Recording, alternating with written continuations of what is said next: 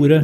Ble menneske og tok bolig iblant oss, og vi så Hans herlighet, en herlighet som den enbårne sønn har fra sin far, full av nåde og sannhet.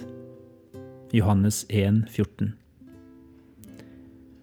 For moro skyld hender det jeg kaller meg for en ordbruker, for jeg lever av å dyrke orda lete etter sammenhengen mellom ordene i Bibelen og formidle dem i stor grad gjennom ord.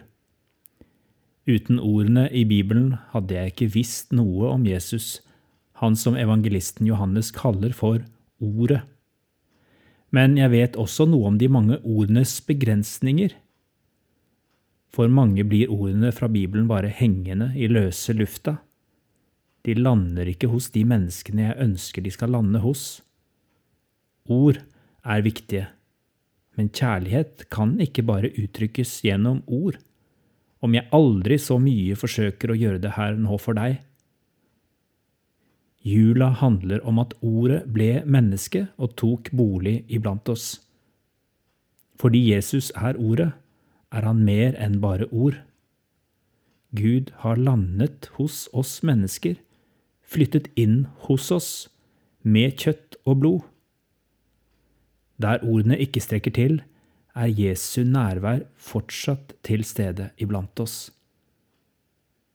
Men hva menes egentlig med ordet?